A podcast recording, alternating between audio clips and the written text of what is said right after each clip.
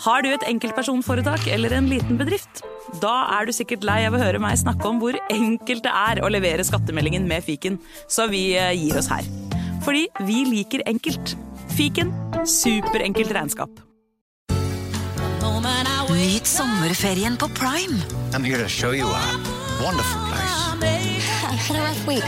Opplev spennende turer. Så kan dette bli veldig farlig. Finn sommerkjærligheten. You're like a Coachella. Hi. Hi.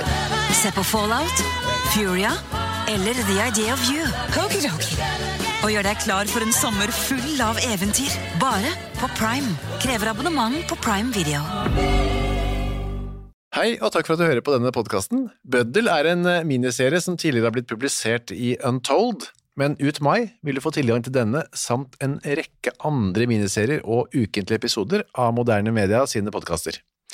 Du finner Bøddel og andre podkaster som Henrettelsespodden helt reklamefritt i Untold. Som en liten smakebit så får du hver uke i mai en ny episode av disse podkastene, som vanligvis kun er tilgjengelig for Untold-abonnenter. Hvis du liker det du hører, så bør du laste ned Untold, eller gå til untold.app for å starte ditt abonnement i dag. Advarsel. I denne podkasten vil du høre historier basert på informasjon programlederne har funnet selv. Programlederne står ikke nødvendigvis inne for meninger og syn som fremstilles. Noen påstander kan avvike fra virkeligheten.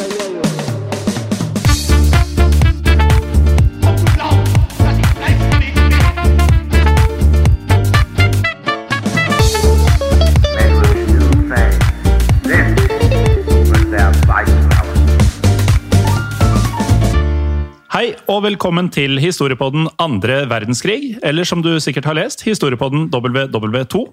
Jeg heter Morten Galesen, og med meg har jeg som alltid Jim Fosheim. Hei, Morten, og hei, kjære lyttere. Det er jo helt utrolig at jeg fikk være med i dag òg. Ja, tenk det. det. Det er alltid litt sånn touch and go på om du får lov å være med eller ikke. Men uh, jaggu så har du ikke vært med i alle episodene, og faktisk eh, også flere episoder enn meg, hvis vi tar med vanlig historiepodden. For der spilte du en gang inn helt alene. Og det var ikke noe Det var ikke så lett, kan jeg fortelle. Og det var faktisk litt rart, for at eh, når du skal sitte der alene, liksom, eh, prater du litt med deg selv og liksom stiller spørsmålstegn ut i lufta. Det er liksom ikke helt det samme. Men ja, altså Nå i dag så har vi da returnert tilbake til en serie. Jeg må jo kunne Det kalle det ja, her i uh, Historie på den andre verdenskrig. Ja, for vi har jo i tillegg til disse enkeltstående episodene som kommer um, om hverandre, så har vi jo da to serier som går litt sånn om hverandre. Hitlers indre sirkel og uh, naziteknologi. Um, og denne episoden har jo ligget i korta en god stund, Jim. Ja. Uh, men på en måte Ja, det er lenge siden sist vi snakka naziteknologi, rett og Ja. slett. Og vi må være helt ærlige på dette for at eh, det å lage akkurat eh, nazi- naziteknologiseriene har vært eh, vanskeligere enn vi trodde. For at eh, det å liksom Vi vi skal jo lage en god del episoder om dette her, og få det til å liksom stemme helt og bygge opp det vi kommer til senere. For at det, nå har vi fått feedback på at de to første i denne serien her er blant fleres favoritter så langt i den andre verdenskrig. Um, og Det betyr også da at det er litt forventninger til hvordan denne her skal legges opp. Og det beste er yet to come, så vi har egentlig ikke helt startet. Og Derfor så blir denne episoden ekstra sånn Det er viktig for uh, det som kommer, da. Det gjør den, og som du sier, altså dette skal bygge opp til noe som kommer senere. Og vi prøver jo å få denne serien til å være relativt eh, kronologisk. At eh, Vi har jo hatt Versailles-traktaten som vi starter med, som jo er før krigen. Vi har hatt litt om naziforskning under krigen. og det er jo egentlig det som kommer etter krigen som vi er mest interessert i. Ja, for dette her bygger jo egentlig opp på mange måter til et eh, kappløp, altså et teknologisk kappløp, eh, som det er lett å se spor av den dag i dag. Eh, og det tror jeg ikke alle er klar over. Nei, og det er jo det som er så spennende, og det er dit vi skal etter hvert. Um, Men vi, eh, altså i dag så er vi da omtrent rett etter krigens slutt. Eh, Og vi kan jo egentlig bare starte. Ja. For som mange vet, så var jo tyskerne, spesielt dere som har hørt på historie på den andre verdenskrig, vet at eh, tyskerne var spesielt gode på teknologi og forskning. Og flere av krigstidens aller beste forskere var jo nettopp tyskere. Eller i hvert fall jobba de for Tyskland. Og dette gjorde Tyskland til verdensledende på forskning og på utvikling av ulike former for teknologi.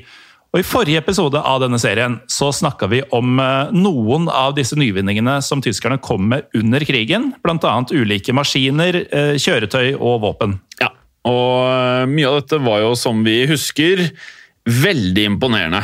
Eh, Men mange av disse nyvinningene, og det er liksom en del av historien, og derfor det mest spennende egentlig skjer etter krigen, og det er jo nettopp det at eh, mange av nyvinningene kom mot slutten av krigen.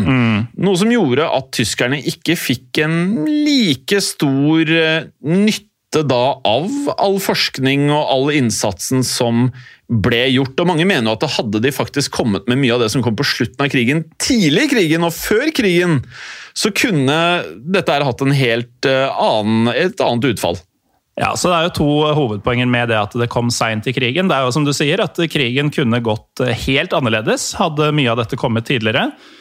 Men igjen da, det at det kom så sent, betyr jo at vi har jo så vidt begynt å skrape liksom, overflaten av hva dette skulle føre til. Og det er jo det vi gleder oss til å, til å snakke om i Ja. denne serien. Det er nettopp det, og selv om det ikke kom før i slutten av krigen mye av de aller mest vanvittige fremskrittene som ble gjort av eh, nazistene, så var det jo da slik at eh, etter Tysklands kapitulasjon så visste jo alle, inkludert tyskerne, de allierte, absolutt alle, visste at det var masse teknologi som ingen andre enn tyskerne kjente til i Tyskland. Eh, Og dette var jo naturligvis noe av enorm interesse for de andre allierte landene. Ja, og det er jo akkurat det denne episoden skal handle om. Eh, Og dette temaet er det ikke alle som kjenner så veldig godt til, og det gjør det jo enda litt mer eh, spennende.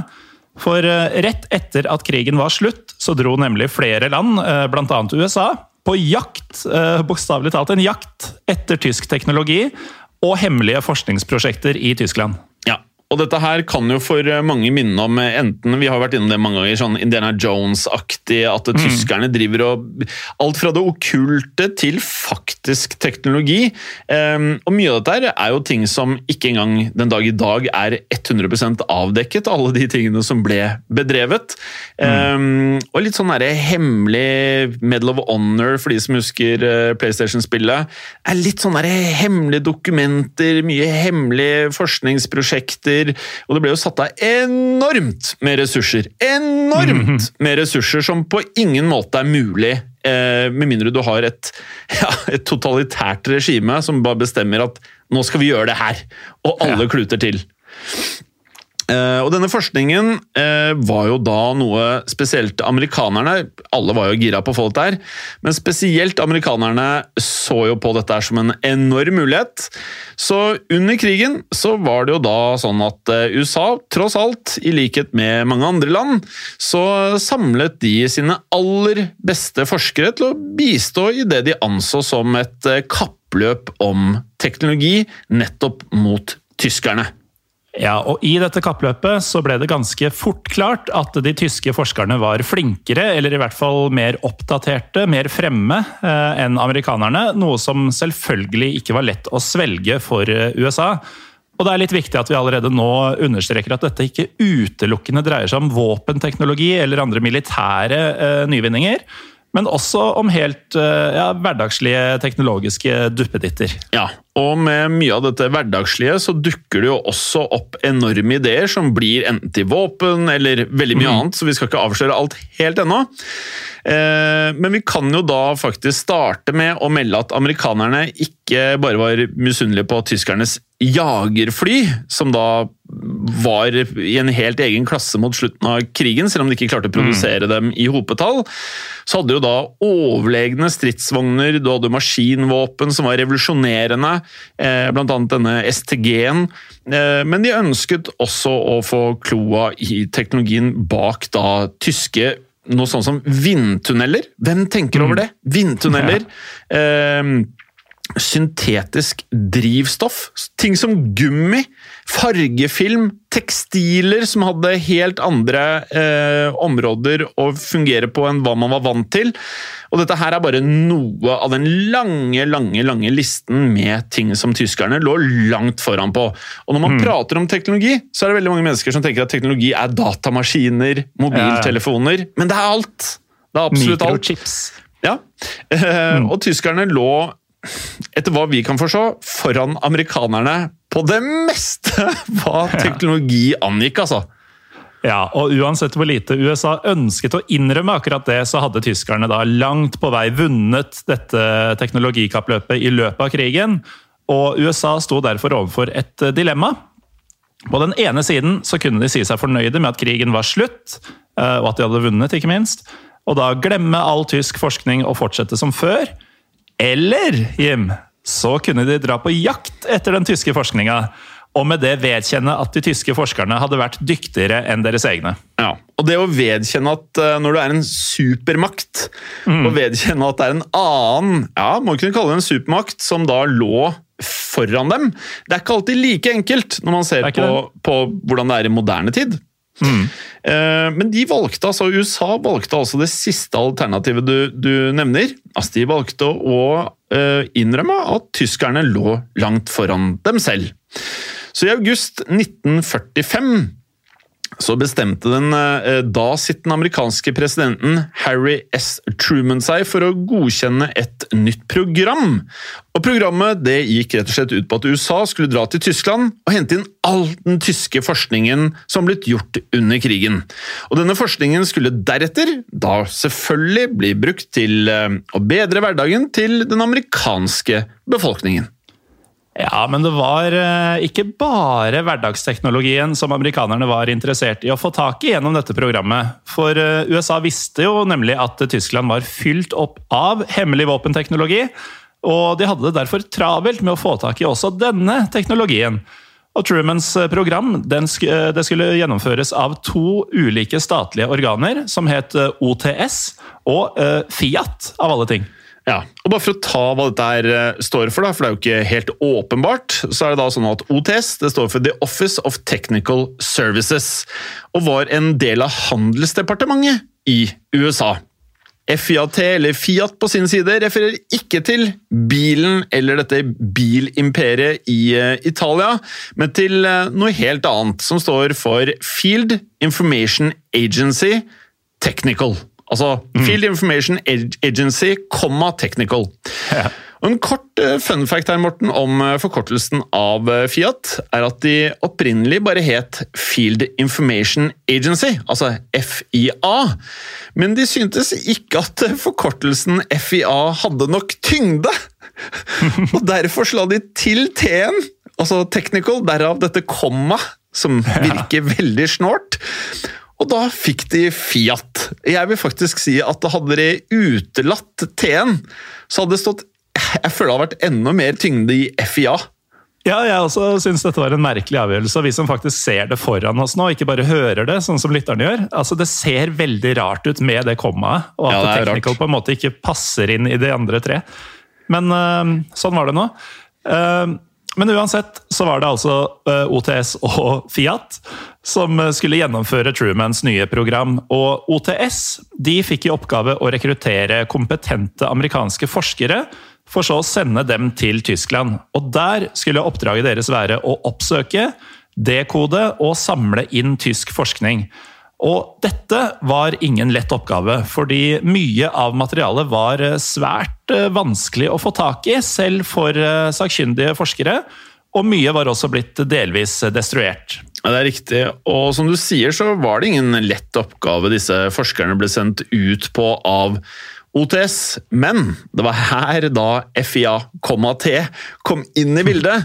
For Fiat sin oppgave var nemlig å gjøre disse forskernes jobb noe enklere. For Fiat opererte først og fremst i Europa, og kunne derfor bistå forskerne med kontorer, leiligheter og annet utstyr som de eventuelt måtte trenge. Og med det så var det slik at Fiat oppsøkte også da tyske forskere, som da kunne bistå i dekodingen av den informasjonen som da ble samlet inn. Og etter at Fiat, eh, eller Fia, T, så hadde bistått med det de kunne, og lagt forholdene best mulig til rette, så begynte OTS sine utsendte sitt arbeid. Og det arbeidet de skulle utføre, det var eh, mildt sagt omfattende. For det var utrolig mye greier å sette seg inn i og finne. Men de satte likevel i gang med det samme, og de besøkte bl.a. hver minste forskningsinstitusjon. eh, og hvert eneste universitet i landet, og gjennomgikk alt av dokumenter de kom over som kunne inneholde informasjon om tysk forskning. Og det var jo de fleste dokumenter de fleste steder. Ja, Så dette er en enorm oppgave. altså Det er vanvittig med jobb. Um, og var det slik da at de kom over noe som var av relevanse, så tok de det da selvfølgelig med seg. Og I tillegg til å samle inn disse dokumentene, tok de også masse bilder og skisser av ulike tyske bygningskonstruksjoner og eventuelt annen teknologi. Og alt som var amerikansk interesse ble kartlagt, det ble samlet inn, for beskjeden fra øverste hold i OTS, dvs. Si da fra direktøren, den var enkel. Det var rett og slett ta med dere alt dere kommer over. Ja, og den beskjeden ble tatt ganske bokstavelig. Eh, ikke lenge etter at de hadde ankommet Tyskland, så begynte de også å ta tyskere til fange. Og de tyskerne som ble tatt av OTS, ble så tatt med til et senter som ble kalt Dustbin. Ja. Eh, og det var for det meste tyske forskere da, som ble tatt med hit. Og på Dustbin så ble disse tyske forskerne avhørt, og målet med disse avhørene var å tvinge ut så mye informasjon om tysk teknologi som overhodet mulig. Ja, og disse folkene her var jo i stor grad vanlige folk som har jobbet for eh, store, eller grandiose tyske teknologiselskaper, og som da ikke hadde noen direkte tilknytning nødvendigvis til nazipartiet under selve annen verdenskrig. Men det skal likevel sies at selv om mange av de som ble avhørt var helt vanlige vitenskapsfolk, så fantes det selvfølgelig mange nazister også blant disse. Men eh, det kommer vi tilbake til noe senere. Det gjør vi. Um, Men dette med dustbin, altså hvis man ble tatt med dit, da måtte man regne med å være der en god stund. For avhørene der de strakk seg um, ofte over flere uker. Og metodene amerikanerne brukte for å få ut informasjon, skal ha vært ganske brutale. I eh, dokumentene fra disse avhørene så står det svart på hvitt at det ble brukt såkalt high pressure methods. Ja. Det høres ikke sånn veldig behagelig ut, Ja. Nei, da, da gjør du mye for informasjon, føles det som. Det gjør det. Um, Men disse dokumentene, der står det ikke i detalj da, nettopp hva disse høypressmetodene gikk ut på. Nei, det gjør ikke det, men det er eh, i hvert fall mindre tvil om at avhørsteknikkene var av den brutale sorten. Men det var da heller ikke unormalt i denne tiden at mye var brutalt. Eh, men det som i alle fall er sikkert, er at amerikanerne de, de var, det føltes nesten som de var desperate etter denne informasjonen, og de gjorde akkurat det som måtte til for å få tak i den. Ja, og Det er heller ingen tvil om at det faktisk kosta ganske mye. eh, For den informasjonen de henta ut, ble tatt fra ulike tyske firmaer og institusjoner som hadde brukt mange år og ikke minst mange penger på å utarbeide denne teknologien. Og når de så ble tatt fra alt dette, så led de jo enorme økonomiske tap, som igjen førte til at mange vanlige tyskere fikk store økonomiske problemer i årene som fulgte. Ja, og så var det det faktum at uh, tysk industri da allerede gikk dårlig eh, mot slutten av krigen, selvfølgelig, som det så gjerne gjør. Og det gikk dårlig i årene fremover pga. nettopp dette. Og det var heller ikke noe amerikanerne, etter hva vi forstår, brydde seg nevneverdig om. Eh, tross alt så var det jo nazistene som hadde starta krigen. Eh, og det ble også på mange måter også ansett som en form for straff, dette her. Eh, og da er det jo ikke unaturlig at man heller ikke bryr seg om konsekvensene. Sånn at det tapende landet i en krig lider som regel enorme, uante økonomiske tap, og det var ikke noe annet som skjedde her. Nei. Men eh, det skal vi likevel ikke snakke så veldig mye om i denne episoden, men heller fokusere på den amerikanske jakta på Nazi-Tysklands teknologi. Men før vi gjør det hjem, så skal vi ta en liten pause. Velkommen tilbake til historiepodden andre verdenskrig og denne episoden om amerikanernes jakt på tysk teknologi etter krigen. Før pausen så snakka vi om at amerikanerne dro til Tyskland etter at krigen var slutt, for å oppsøke og hente inn så mye informasjon om den tyske forskninga som overhodet mulig. Vi hørte også om hvordan de etter hvert tok tyske forskere inn til avhør for å få enda mer informasjon. Og det er eh, liten tvil om at eh, i denne perioden så var amerikanerne svært effektive.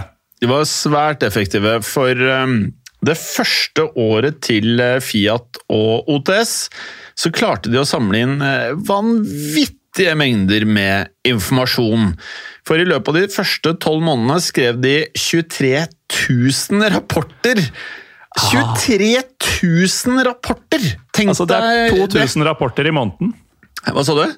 2000 rapporter i måneden. Ja, det er helt vanvittig, og man vet jo at det er jo ikke alle som jobber i organisasjoner som liker å skrive fort.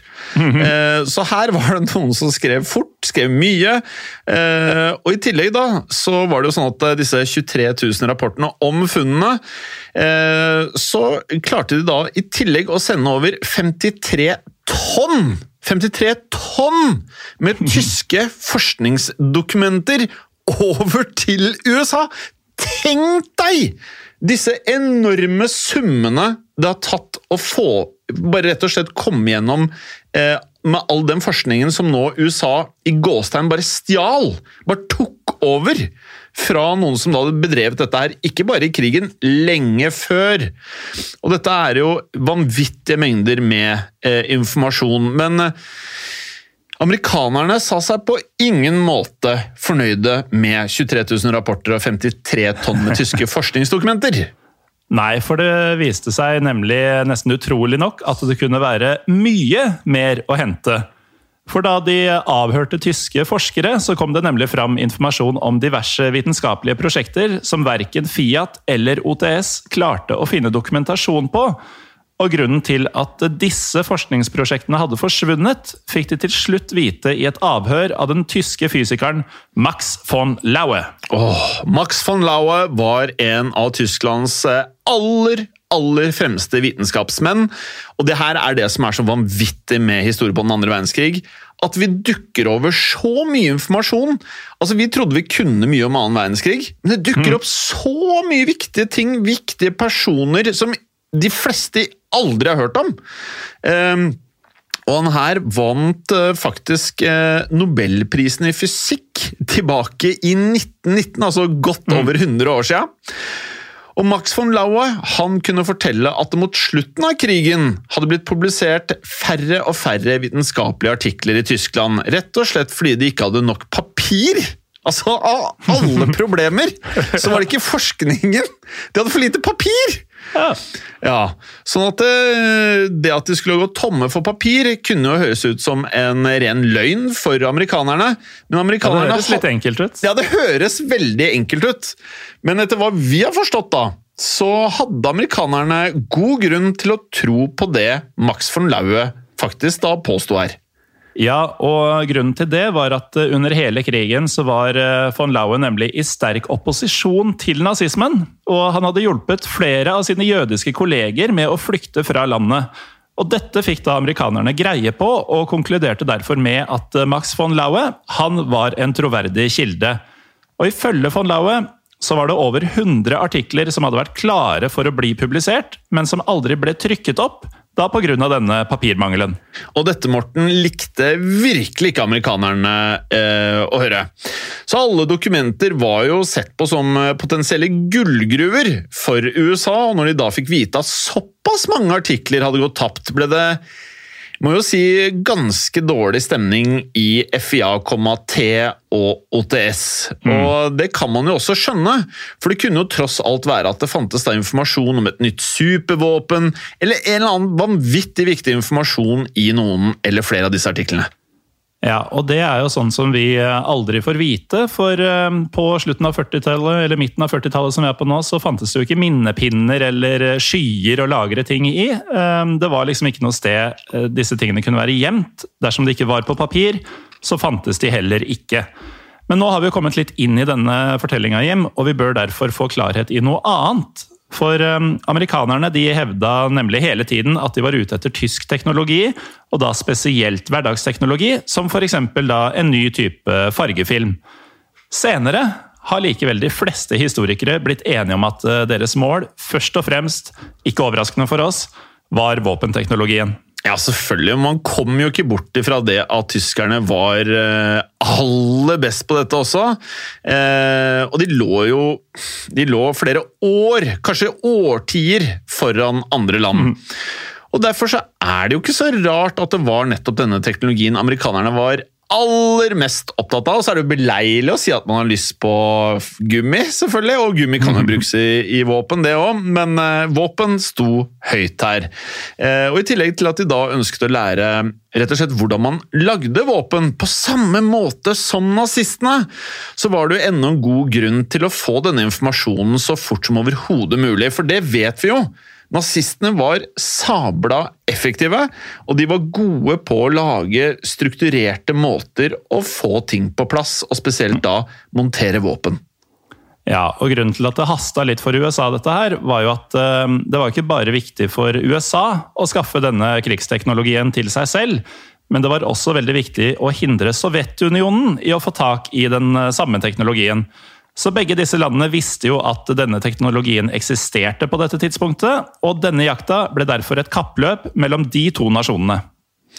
Ja, og man kan jo også legge til her at eh, det er andre allierte også, men eh, vi vet jo hvordan forholdet mellom USA og Sovjetunionen var etter krigen. Vi skal ikke si for mye om det akkurat nå, men uansett. Mm. Eh, og dette her forklarer jo da hvorfor det var en sånn hva skal jeg si på engelsk urgency. Må jo kunne si det at eh, Alle fikk det jo veldig travelt med å få tak i dokumenter på slutten og etter annen verdenskrig. Eh, og Vi kan jo også nevne at eh, kappløpet hadde jo holdt på en god stund. For da FIA TOTS ble satt på saken, så må vi huske på at vi skal litt tilbake i tid, for det er jo naturlig å tenke at det på tampen av 45 var da man liksom eh, opprettet Da man så at nå, nå bærer det mot slutten, så er det kanskje naturlig å tenke at nå er det enklere å få tak i informasjonen. Men vi skal faktisk tilbake til 1944 for å se opprettingen av eh, organisasjonen som ble kalt for CIOS. Ja, og CIOS, eller CIOS, det var en eh, engelsk-amerikansk organisasjon som står for Combined Intelligence Objectives Subcommittee. Og denne organisasjonen blir uh, ofte ansett som forløperen til både Fiat uh, og OTS, og var altså et samarbeid mellom USA og Storbritannia. Og SIOS fungerte som en ikke-kjempende militærenhet. De skulle altså være med de andre soldatene, men skulle aldri være med å kjempe. Ja, og det at de ikke var med i selve kampene, Morten, var egentlig ganske greit. det. Fordi at de var først og fremst bestående av forskere og ingeniører. Det var ikke mm. noe hardbarka marinesoldater eller fallskjermjegere. Det er ikke Laura Tørni? Nei, det er ikke Laura Tørni eller Simon Høy, hæ? Og oppgaven deres var noe helt annet enn å nedkjempe nazister på slagmarken. For de allierte klarte jo etter hvert da å kjempe seg innover i Tyskland og tok kontroll over flere og flere tyske byer, og etter at byene ble erobret, var det Sios sin oppgave å legge beslag på det de fant av tyske militære prototyper. Og dette her har jeg nå, ettersom jeg har begynt å sette meg inn i det, så syns jeg det er så rart at Band of Brothers og alle disse vanvittige seriene som er laget av romantikere som på en måte vet det meste av snåle ting som foregikk under annen verdenskrig. Jeg synes det er rart at det aldri har vært viet noe særlig fokus til akkurat dette her. Ja, det er litt merkelig. Fordi, fordi, um, fordi det betyr jo også at uh, selve de som kjempet på slagmarken, og de som var i SIOS, de gikk jo litt hånd i hånd her. Ja, altså var, SIOS var jo med eh, disse som var på slagmarka, så de, de, må jo ha blitt kjent med hverandre, hatt med hverandre å gjøre, vært på baser sammen og sånne ting. Um, men uansett, i tillegg til dette da, så jakta de også på de tyske sjefsforskerne og avhørte dem om tysk militærteknologi. Og det skulle ikke bli siste gang amerikanerne søkte etter tyske naziingeniører. Men det kommer vi også tilbake til eh, imidlertid i en annen episode i denne serien. På dette tidspunktet handla det først og fremst om eh, informasjonsinnhenting, og dette arbeidet var ikke spesielt enkelt under disse forholdene. På ingen måte, for eh, folkene fra SIOS de hadde rett og slett ingen tid til å stoppe opp eh, for lenge av gangen. Eh, noe som gjorde at arbeidet deres var ikke bare krevende, det var eksepsjonelt krevende å jobbe i SIOS. For de opererte jo da under Altså, det var jo annen verdenskrig. Ja. Det var kamper overalt. Eh, og det var lite forutsigbarhet, og derfor så nøyde de seg med å notere ned det de kom over av tyske våpen og militære kjøretøy. Det kunne jo selvfølgelig, som vi har vært innom mange ganger her, det kunne være raketter, det var masse panservogner, det var fly, maskingevær. Alt dette skrev de inn i lange, omfattende rapporter. Ja, og Meninga var jo da at eh, de etter krigen skulle komme tilbake for å undersøke disse objektene nærmere. Eh, Så SIOS var da altså overhodet ikke interessert i verken fargefilm eller eh, denne andre hverdagsteknologien. Altså Det var ikke gummi de var her for å finne ut mer om, men fokuserte utelukkende på den militære teknologien. Og dette er også grunnen til at disse rapportene, i motsetning til de som ble gjort av Fiat et år seinere, ble holdt strengt hemmelige. Riktig det. Og det fantes også flere andre grunner til dette hemmeligholdet. Eh, For det første var jo dette informasjon de overhodet ikke ville at Sovjetunionen skulle få tak på. Og de var jo klar over at Sovjetunionen hadde utplassert Det her var vanlig, eh, så det var ikke bare Sovjetunionen som gjorde det. De hadde utplassert masse spioner på jakt etter nettopp denne informasjonen. Og det er her jeg syns eh, Steven Spielberg og Tom Hanks burde ta en liten jobb her og lage noe nytt eh, på HBO. Um, et eller annet hvor vi har fokus på dette. For tenk deg den kampen! da! De spionene fra Sovjetunionen og USA midt i krigen. Det må jo være helt vanvittig spennende. Ja, Og En annen grunn var da tanken på at eh, slike rapporter ikke ville bli tatt godt imot av resten av verden, og kanskje hadde de utrolig rett i det. Mm. Og De aller fleste av disse rapportene nådde heller aldri allmennheten, men som vi nå forstår av hvor lite prat har vært om dette her, forsvant sporløst og ble aldri offentliggjort noe sted. Nei, og etter at krigen var over, så ble det ikke snakket noe mer om arbeidet som SIOS hadde gjort. Det ble rett og slett dekka over, og det var som om dette aldri hadde skjedd. For USA ønsket da på ingen måte at noen skulle vite at de var opptatt av å skaffe seg informasjon om våpen laget av nazistene. Så Én ting var å kartlegge våpen mens det enda er krig, men da krigen var ferdig, ville det vært vanskeligere å forklare hvorfor man var så opptatt av ny våpenteknologi. Og dermed forsvant altså de listene ganske fort. Ja, Det forklarer også hvorfor Trumans program fokuserte så mye på den andre tyske teknologien. Altså den mer hverdagslige teknologien. Det var et lettere Ja, det var lettere å selge, selvfølgelig. Ja, ja. Ehm, For den skulle jo brukes til å gjøre livet til vanlige amerikanere bedre. Det gir jo mening, det. Og Vi har allerede hørt om eh, hvordan Fiat og OTS jobbet på spreng for å skaffe informasjon om tysk teknologi. Og dette arbeidet det var ikke sånn det endte i 45, og det endte Det heller ikke i 46. Det hendte i 1947, angivelig. Kanskje pågikk det jo da lenge, lenge etter det også. Ja, eh, offisielt kan vi vel si at de avslutta i 47. Men det er da ingen tvil om at dette arbeidet var viktig og bar frukter for videre amerikansk forskning og teknologi.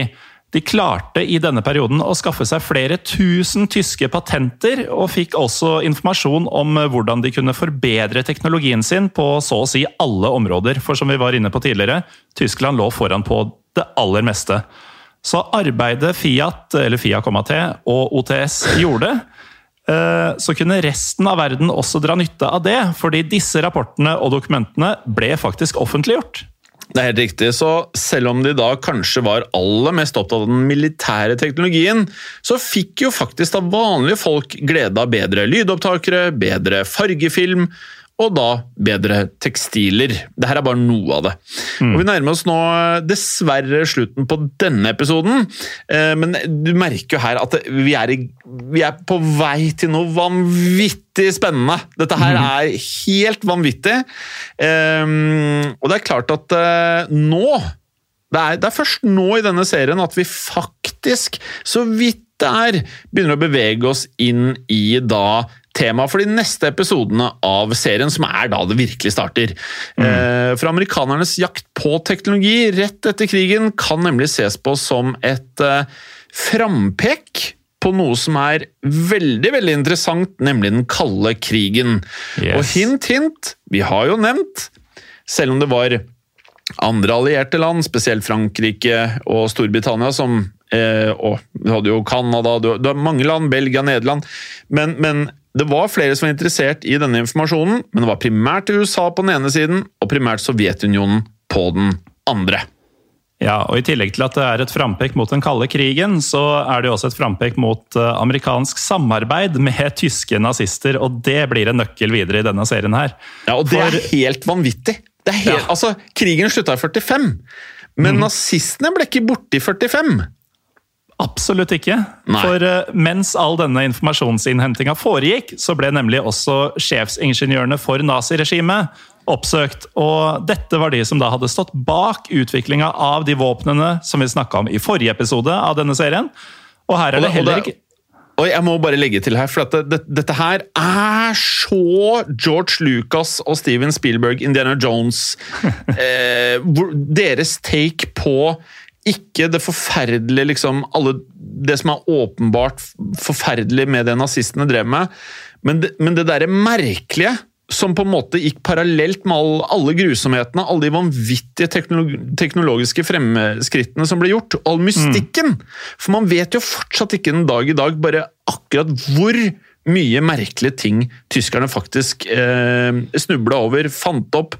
Og mye av dette her er sikkert skjult en dag i dag. Mm. Ja, det, det er jo godt sannsynlig med tanke på alle de dokumentene og artiklene som eh, var borte, eh, som vi snakka om tidligere. Men eh, altså disse sjefsingeniørene for naziregimet Vi snakka litt i stad om at det var en del vanlige forskere som på en måte ikke var uttalte nazister. Men her er det ikke snakk om helt vanlige folk som egentlig bare var sivile forskere. Men dette er snakk om nazister høyt oppe i systemet. Og disse forskerne var eh, tross alt noen av verdenshistoriens største genier. Eh, det er ikke til å komme bort fra det, i hvert fall med tanke på våpenteknologi. Ja. Og når vi sier genier, så er ikke dette her en måte å glorifisere mye klin gærne, forferdelige mennesker på, men eh, de Altså, det er bare sånn, sånn at vi gjør rede for dette her. Det var grusomheter som skjedde under krigen, men de gjorde noe vanvittig fremskritt på mange områder. Og, var, og det kan du ikke gjøre uten noen av de smarteste menneskene og mest driftige menneskene på planeten.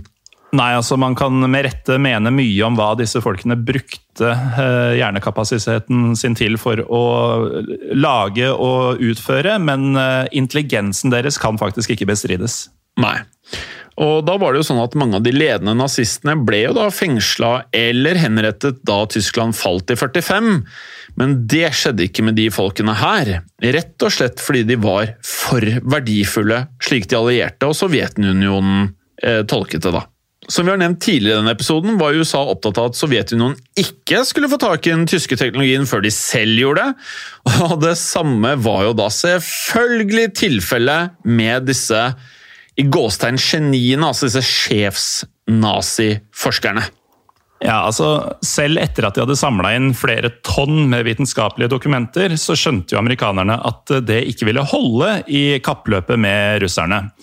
Den teknologien de hadde klart å hente ut av Tyskland, ville i løpet av noen få år være utdatert, og da ville det jo faktisk være like langt.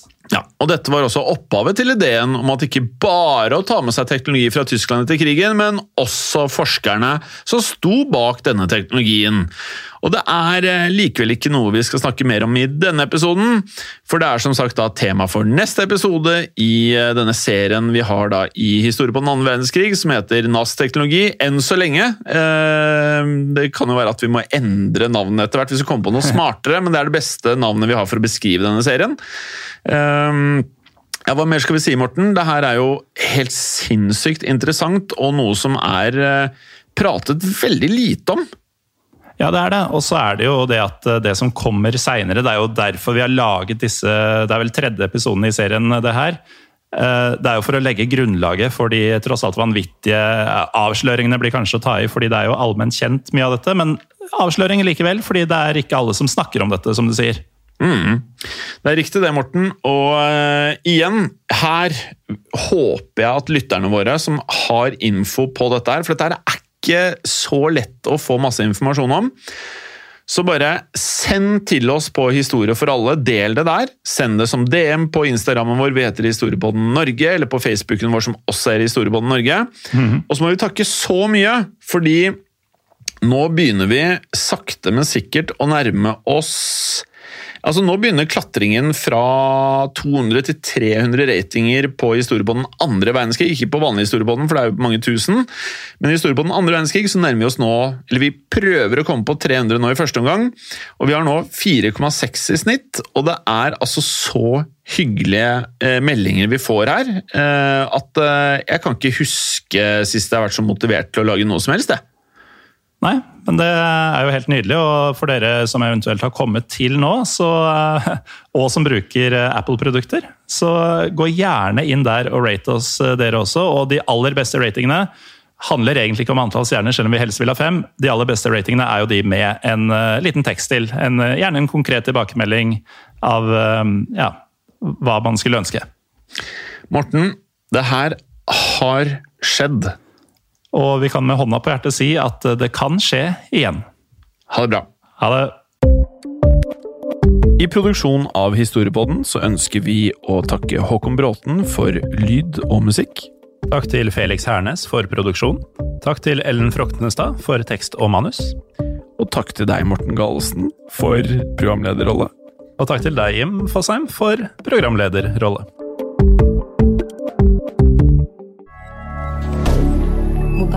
Media. Hei, Morten. Hei, Em. Og hei til deg som eh, hører på. I eh, dag så har vi en eh, stor overraskelse til dere alle sammen. Det har vi, for vi har bestemt oss for å gi dere som hører på, en liten smakebit på hva man får med abonnement i Untold. Det er helt riktig, men hva er Untold, Morten? Jo, Untold det er en app der du kan høre en rekke podkaster. Flere titalls podkaster helt uten reklame. Det er riktig, og ut mai måned så kan du derfor da høre episoder som du vanligvis kun hadde funnet i appen Untold. Ja, for som Untold-kunde så får du nemlig en ny, reklamefri episode av Historiepodden andre verdenskrig hver eneste uke hele året. Ja, og i Untold så får du også ukentlige episoder av Henrettelsespodden og Historiepodden blant flere, samt også da miniserier som Gulltransporten og Historien om Henry Rinnan. Og apropos Historiepodden, Jim, så er det snart eh, 17. mai. Og i Historiepodden så vil man kunne høre episoden om torgslaget i Kristiania i forbindelse med nettopp eh, den datoen. Og det er en episode som alle bør få med seg. Jeg tenker det, og skulle du som hører på nå sitte igjen og tenke at du veldig gjerne vil høre en episode av Historiepodden andre verdenskrig hver eneste uke, så er da, som du helt sikkert skjønner, Untold en mulig løsning for deg. Det er helt riktig. Da går du inn på AppStore eller Google Playstore og laster ned Untold. Eller du går til untold.app i nettleseren for å starte ditt abonnement i dag. Ja, og har du ikke gjort dette før, Morten, så er det faktisk sånn da at du får hele første måneden helt gratis! Ja, eh, og det har skjedd. Og det kan skje igjen.